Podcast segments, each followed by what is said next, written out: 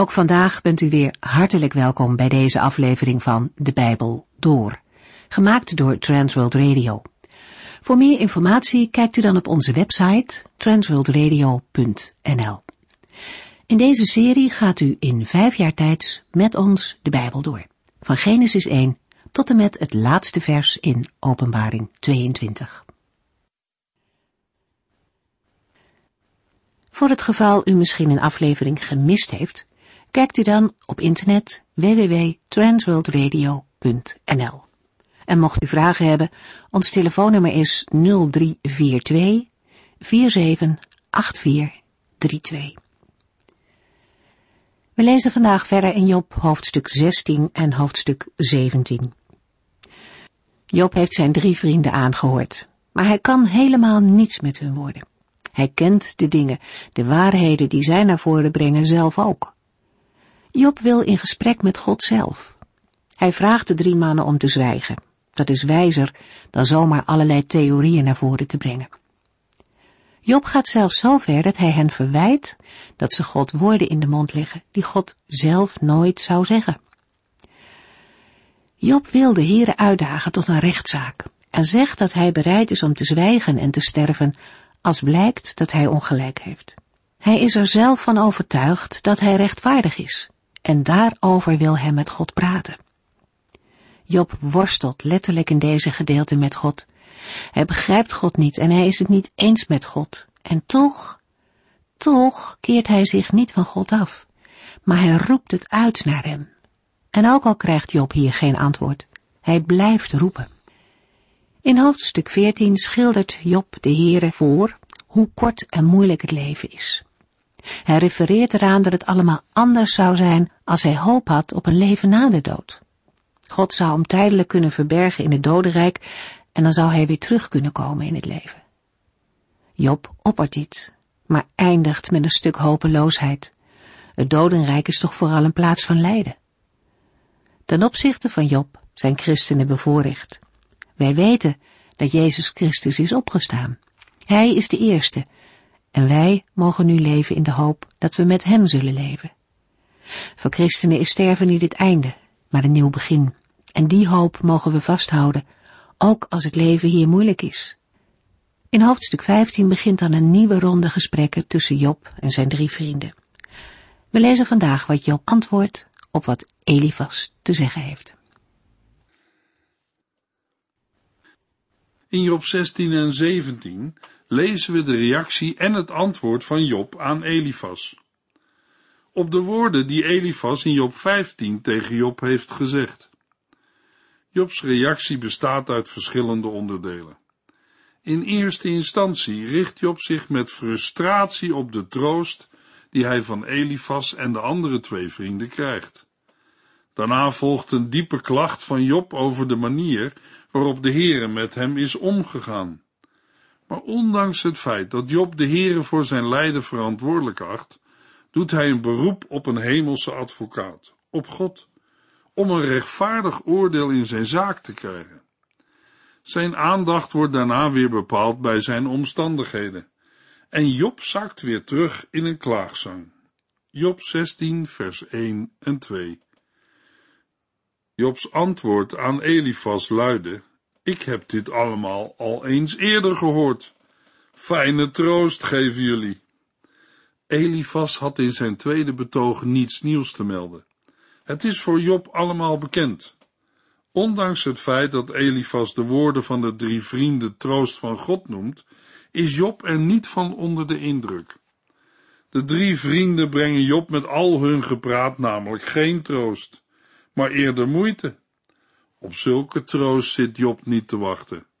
Job 16 vers 3 Komt er dan nooit een eind aan jullie ellenlange toespraken? Wat is er aan de hand dat jullie maar niet uitgepraat raken? Job vraagt of er geen einde aan de vele en lege woorden van zijn vrienden komt. Letterlijk noemt hij hun woorden woorden van wind. Hiermee gebruikt hij dezelfde woorden die zowel Bildad als Elifas gebruikten om Jobs woorden aan te duiden. Niet Job, maar zijn vrienden gebruiken holle, nietszeggende woorden. Daarom wordt Job ook fel in vers 3. laten zijn vrienden gewoon hun mond houden. Dat geldt ook voor Elifas. Als hij toch niets nieuws te vertellen heeft, kan hij beter zwijgen. Kennelijk reageert Elifas vanuit een bepaalde irritatie. Maar Job kan niet begrijpen waar die irritatie vandaan komt. Job heeft reden genoeg om geïrriteerd te zijn, maar Elifas toch niet? De toon die Job tegen Elifas aanslaat, is niet meer vriendelijk. Job 16 vers 4 Maar misschien zou ik op dezelfde manier spreken als jullie doen, als de rollen omgekeerd waren. Als de situatie omgekeerd zou zijn geweest, had Job ook zijn woorden wel klaar kunnen hebben. Job zou in een dergelijke situatie wellicht op het eerste oog niet heel anders zijn opgetreden dan zijn vrienden nu doen. Hij zou ook kunnen spreken met mooie woorden, hij zou ook het hoofd kunnen schudden. Dergelijke oppervlakkig meeleven is geen kunst. Waarschijnlijk is de taal van Job hier ironisch bedoeld en laat hij zijn eigen gedrag in het midden. Wat hij wel zou doen, gaat veel dieper dan hetgeen zijn vrienden doen. In vers 4 vinden we in de Hebreeuwse grondtekst de toevoeging, en zou ik over u met mijn hoofd schudden. Schudden met het hoofd is een beeldspraak die niet alleen medelijden wil uitdrukken, maar ook een lading spot of hoon in zich draagt. Het meeleven van de vrienden wordt door Job gezien als een vorm van spot. Ook Paulus was bezorgd over dit soort situaties. Hij schreef aan de gelovigen in Galaten 6 vers 1 en 2 Broeders en zusters, als iemand op iets verkeerds wordt betrapt, moet u, als mensen die door de geest geleid worden, hem vriendelijk terechtwijzen. Vergeet niet dat u zelf ook in de verleiding kunt komen iets verkeerds te doen. U moet elkaars moeilijkheden en problemen dragen dan voldoet u aan de wet van Christus. Het troosten dat apostel Paulus bedoelt, lijkt meer op het voetenwassen dat de heiland toonde, dan op het orenwassen van de vrienden van Job. Johannes schrijft in 1 Johannes 1 vers 9, maar als wij onze zonde bekennen, is God zo trouw en rechtvaardig ons die te vergeven.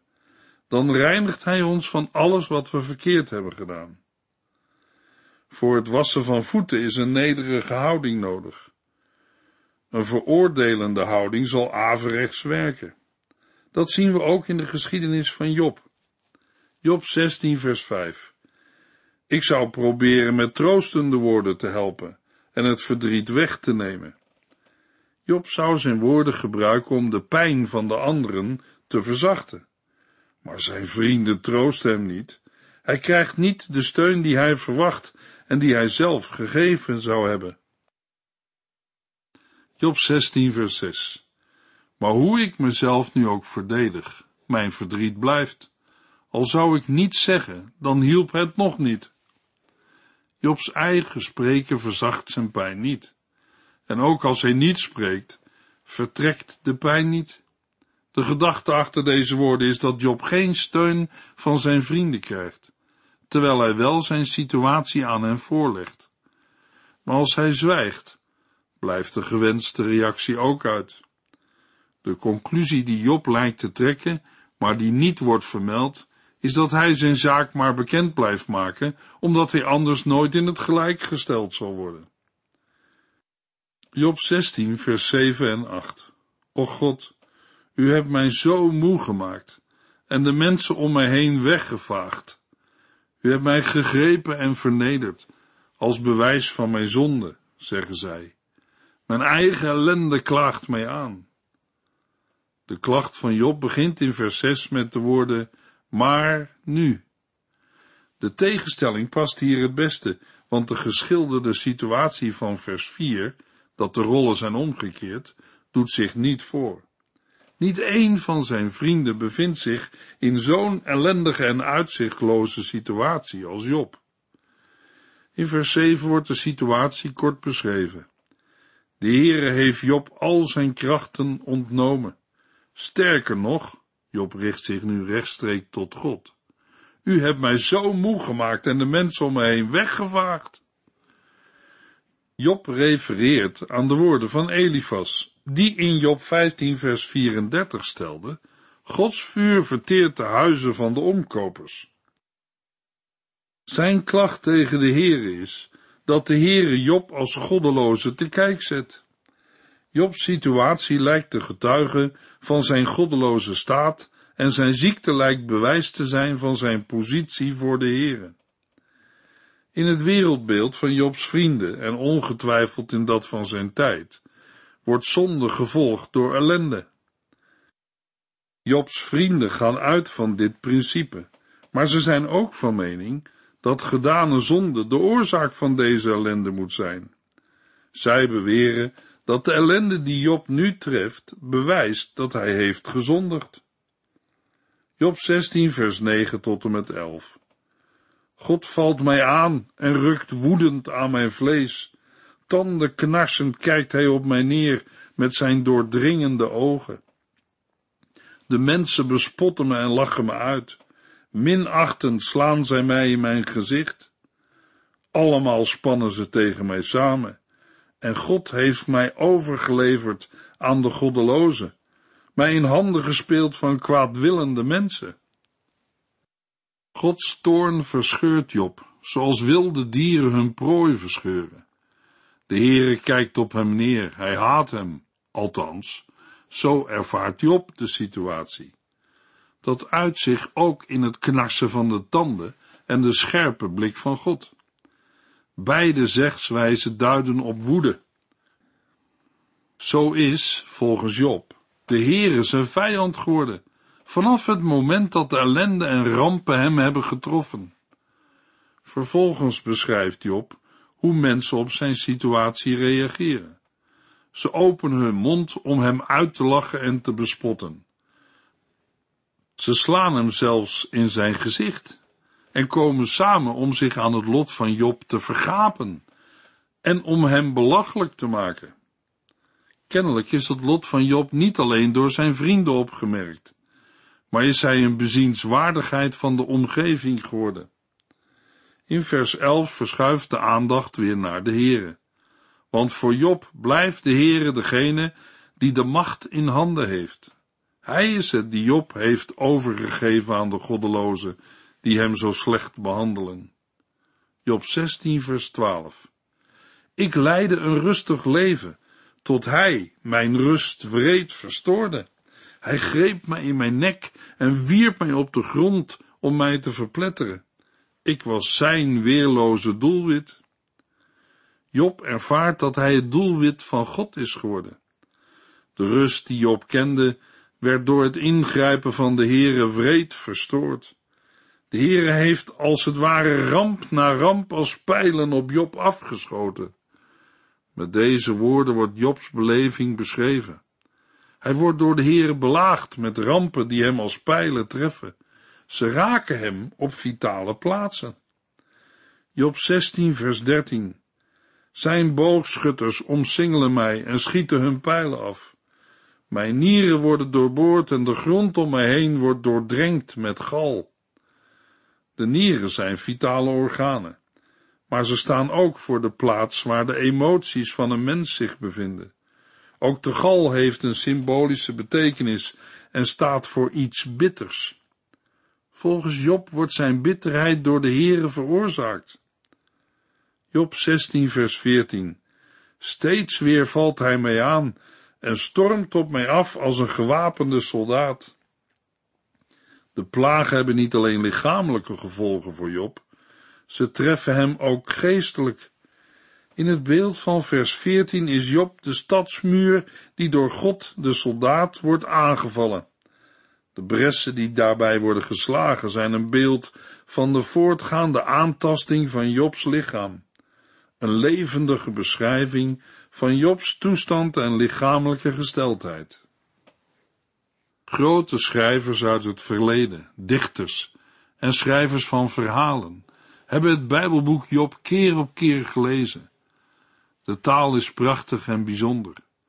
De beschrijvingen in het Bijbelboek Job zijn van grote schoonheid en de taal is prachtig. Job 16 vers 15 tot en met 17. Ik zit hier in rouwkleding en met stof op mijn hoofd. Mijn ogen zijn rood van het huilen en over mijn oogleden ligt de schaduw van de dood. Toch ben ik onschuldig en is mijn gebed oprecht. In de versen 15 tot en met 17 beschrijft Job zijn verdriet over de situatie. Hij draagt een rouwkleed. In het Bijbelboek Job is rouwkleding een kledingstuk van geitenhaar. Een rouwkleed dat Job zelf heeft genaaid. Job heeft de kleding om zich heen geslagen en de losse delen hier en daar wat aan elkaar genaaid. Op die manier kan hij de pijn van zijn zieke huid bij het aantrekken van kleding vermijden. De ellende heeft hem doen huilen, totdat zijn gezicht er rood van is geworden. Zijn ogen zijn er zelfs door aangetast. Hij verliest het gezichtsvermogen. Ondanks het feit dat deze zaken bijzonder reëel kunnen zijn, moet hier ook worden gedacht aan de diepere symbolische betekenis van deze woorden. Het verdriet heeft Job niet alleen van buiten aangetast, maar ook van binnen. Hij verliest het zicht op het leven en is gericht op het enige dat hij nog voor mogelijk houdt, de dood. Ondanks zijn ellende en het heersende denkbeeld dat lijden het gevolg van zonde is, blijft Job zeggen en pleiten voor zijn onschuld. Volgens Job is er geen aanleiding voor zijn lijden. Hij heeft geen geweld op zijn geweten en is in zijn gebeden oprecht geweest. Veel mensen denken hetzelfde als Job. Daarmee plaatsen zij zichzelf in een positie die Johannes heel duidelijk aangaf in 1 Johannes 1 vers 8 en 10. Als wij beweren zonder zonde te zijn, bedriegen wij onszelf en doen wij de waarheid geweld aan. Als wij beweren nooit gezondigd te hebben, zeggen wij daarmee dat God een leugenaar is en woont zijn woord niet in ons. Job geeft de Heere de schuld van zijn ellende.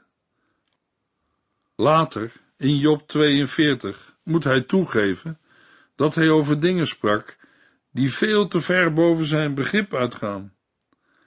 In Job 42, vers 6 zegt Job, Daarom walg ik van mezelf, en uit berouw verneder ik mij in stof en as. In Job 16 is daarvan nog niets te zien. Job 16, vers 18. Och aarde, neem mijn bloed niet op, laat geen einde komen aan mijn hulpgeroep. Job spreekt de aarde toe vanuit de angst dat zijn bloed wordt bedekt. In vers 18 vinden we een parallelle zin, waarin het tweede deel van de zin hetzelfde in andere woorden herhaalt. Alleen de aarde wordt niet opnieuw aangesproken. Het is namelijk het bloed dat om vergelding roept. Natuurlijk zal de aarde het bloed niet opzettelijk bedekken of aan het oppervlak brengen. Het is eerder een roep van Job om de vergelding die hij zoekt. Normaal gesproken gaat het om bloed van iemand die vermoord is. Job is nog niet dood, maar wil nu al de vergelding waar hij recht op heeft. Nu is het immers nog niet te laat. Het idee achter het ontdekken van het bloed is dat bedekt bloed minder duidelijk om vergelding roept. Toch blijkt uit Jesaja 26 vers 21 dat ook het bedekte bloed wel aan het licht zal komen. Het onrecht trekt Gods aandacht en hij zal het wreken. Job verzet zich nu op deze manier tegen de gedachte dat hij schuldig is en de ellende het gevolg is van zijn eigen zonde. Maar hij kan zijn onschuld niet bewijzen tegenover de omstanders en zij bespotten hem alleen. Job 16 vers 19 en 20 Maar tegelijkertijd zit de getuige van mijn onschuld in de hemel. Mijn advocaat bevindt zich daar in de hoge. Mijn vrienden bespotten mij, maar ik laat God mijn tranen zien. Daarom richt Job zich op de hemel. Hieruit blijkt zijn vertrouwen ondanks zijn verschrikkelijke omstandigheden. Hij heeft namelijk het vertrouwen dat hij een getuige in de hemel heeft. Een getuige die belangrijker is dan de roep van zijn bloed. De getuige die hij heeft kan namelijk geen ander zijn dan de Heere zelf. Er is in Jobs visie geen andere mogelijkheid. Het lijkt vreemd dat God zowel degene is die voor Jobs situatie verantwoordelijk is, als degene die voor hem pleit. Toch moet achter deze paradox geen dualistisch godsbeeld worden gezocht. Het is eerder het gevolg van Jobs wisselende stemmingen. Op het moment dat hij gericht is op zijn eigen ellende, ziet hij de Heere enkel als zijn tegenstander. Maar als hij gericht is op God, klimt hij uit het dal en is er een aanhoudend vertrouwen op dezelfde God. Job blijft zich vastklampen aan de God die hem kwelt. In vurig verlangen kijken Jobs betraande ogen uit naar God. Job 16, vers 20 en 21. Mijn vrienden bespotten mij, maar ik laat God mijn tranen zien, hem smekend naar mij te luisteren, zoals een man bij zijn buurman zou aandringen.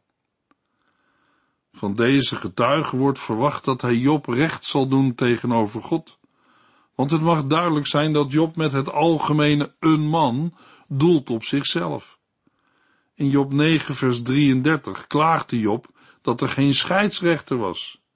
Nu blijkt God zelf als getuige gezien te worden, zelfs tegenover zijn eigen handelen.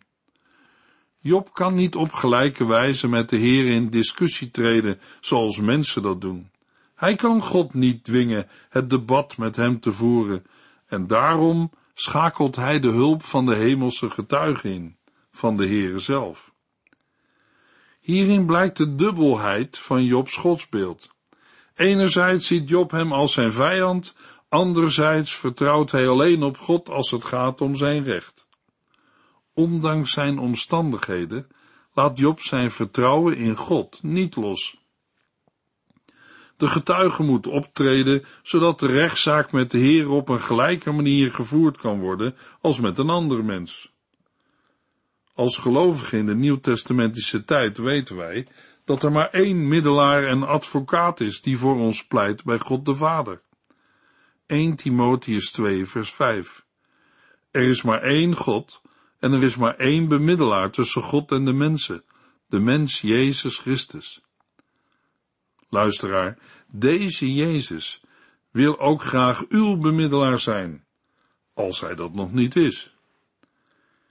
Job 16 vers 22 want het zal niet zo lang meer duren, voordat ik de weg ga waarlangs ik nooit meer zal terugkeren. Het pleit moet voor Job snel worden beslecht, want hij zal niet lang meer te leven hebben. God moet nu ingrijpen, anders zal Job geen kans meer hebben zijn naam nog te zuiveren. De weg die Job zal gaan, is de weg naar het graf, de weg waarlangs hij nooit meer zal terugkeren. Job 17 vers 1 mijn geest is gebroken en ik ben meer dood dan levend. Het graf staat al voor mij open. Als Job stilstaat bij zijn naderende einde, verschuift zijn blik weer van de hemelse getuigen naar zijn omstandigheden. Hij ziet geen uitkomst meer in zijn lijden. In drie korte zinnen beschrijft hij zijn situatie. Jobs geest is gebroken. Hiermee wordt niet alleen bedoeld dat zijn hoop vervlogen is, maar ook dat hem de levensadem wordt ontnomen. De kracht om te leven ontbreekt hem. Zijn dagen zijn geteld. Rest hem niets dan het graf. Job 17, vers 2 tot en met 5. Spotzieke lieden omringen mij, en waar ik ook kijk, zie ik hen die mij beledigen. Zal dan niemand mijn onschuld bij God bevestigen? Maar u, mijn God, hebt er toch voor gezorgd dat zij dit niet begrijpen?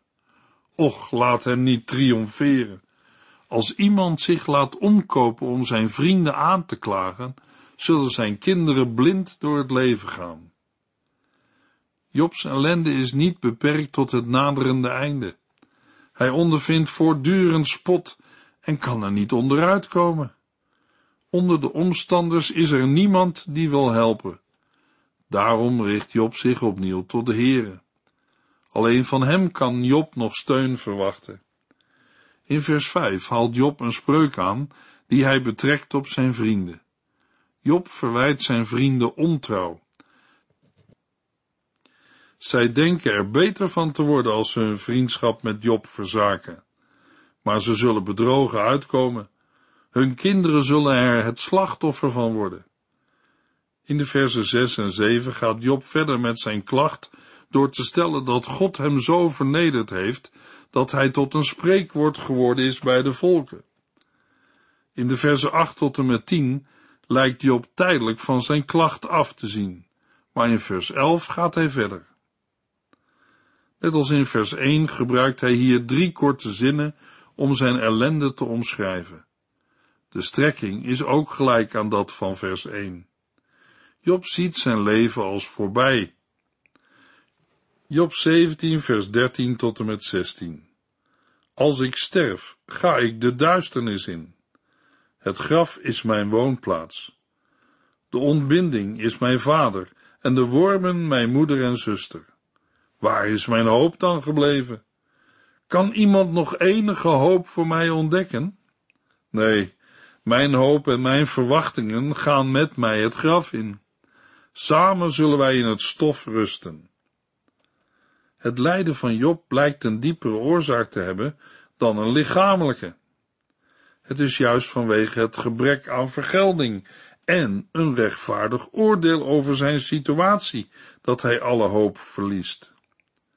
Zijn ziekte is als een getuige tegen zijn onschuld, en daarom is er niemand die nog van zijn onschuld wil weten.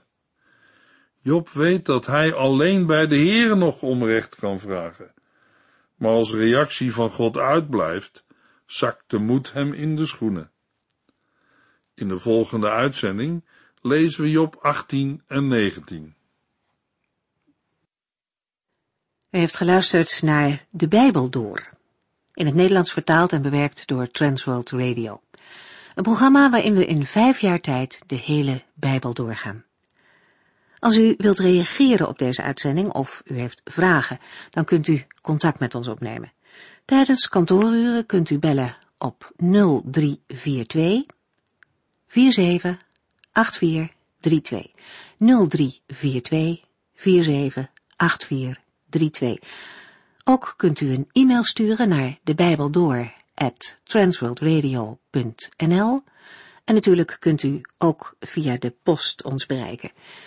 TWR, postbus 371, postcode 3770, AJ in Barneveld. Dit programma werd gepresenteerd door Cor Weda en Ike André. Techniek was in handen van Odin van Voorkom. En wij allemaal bedanken u voor het luisteren. Graag tot de volgende keer.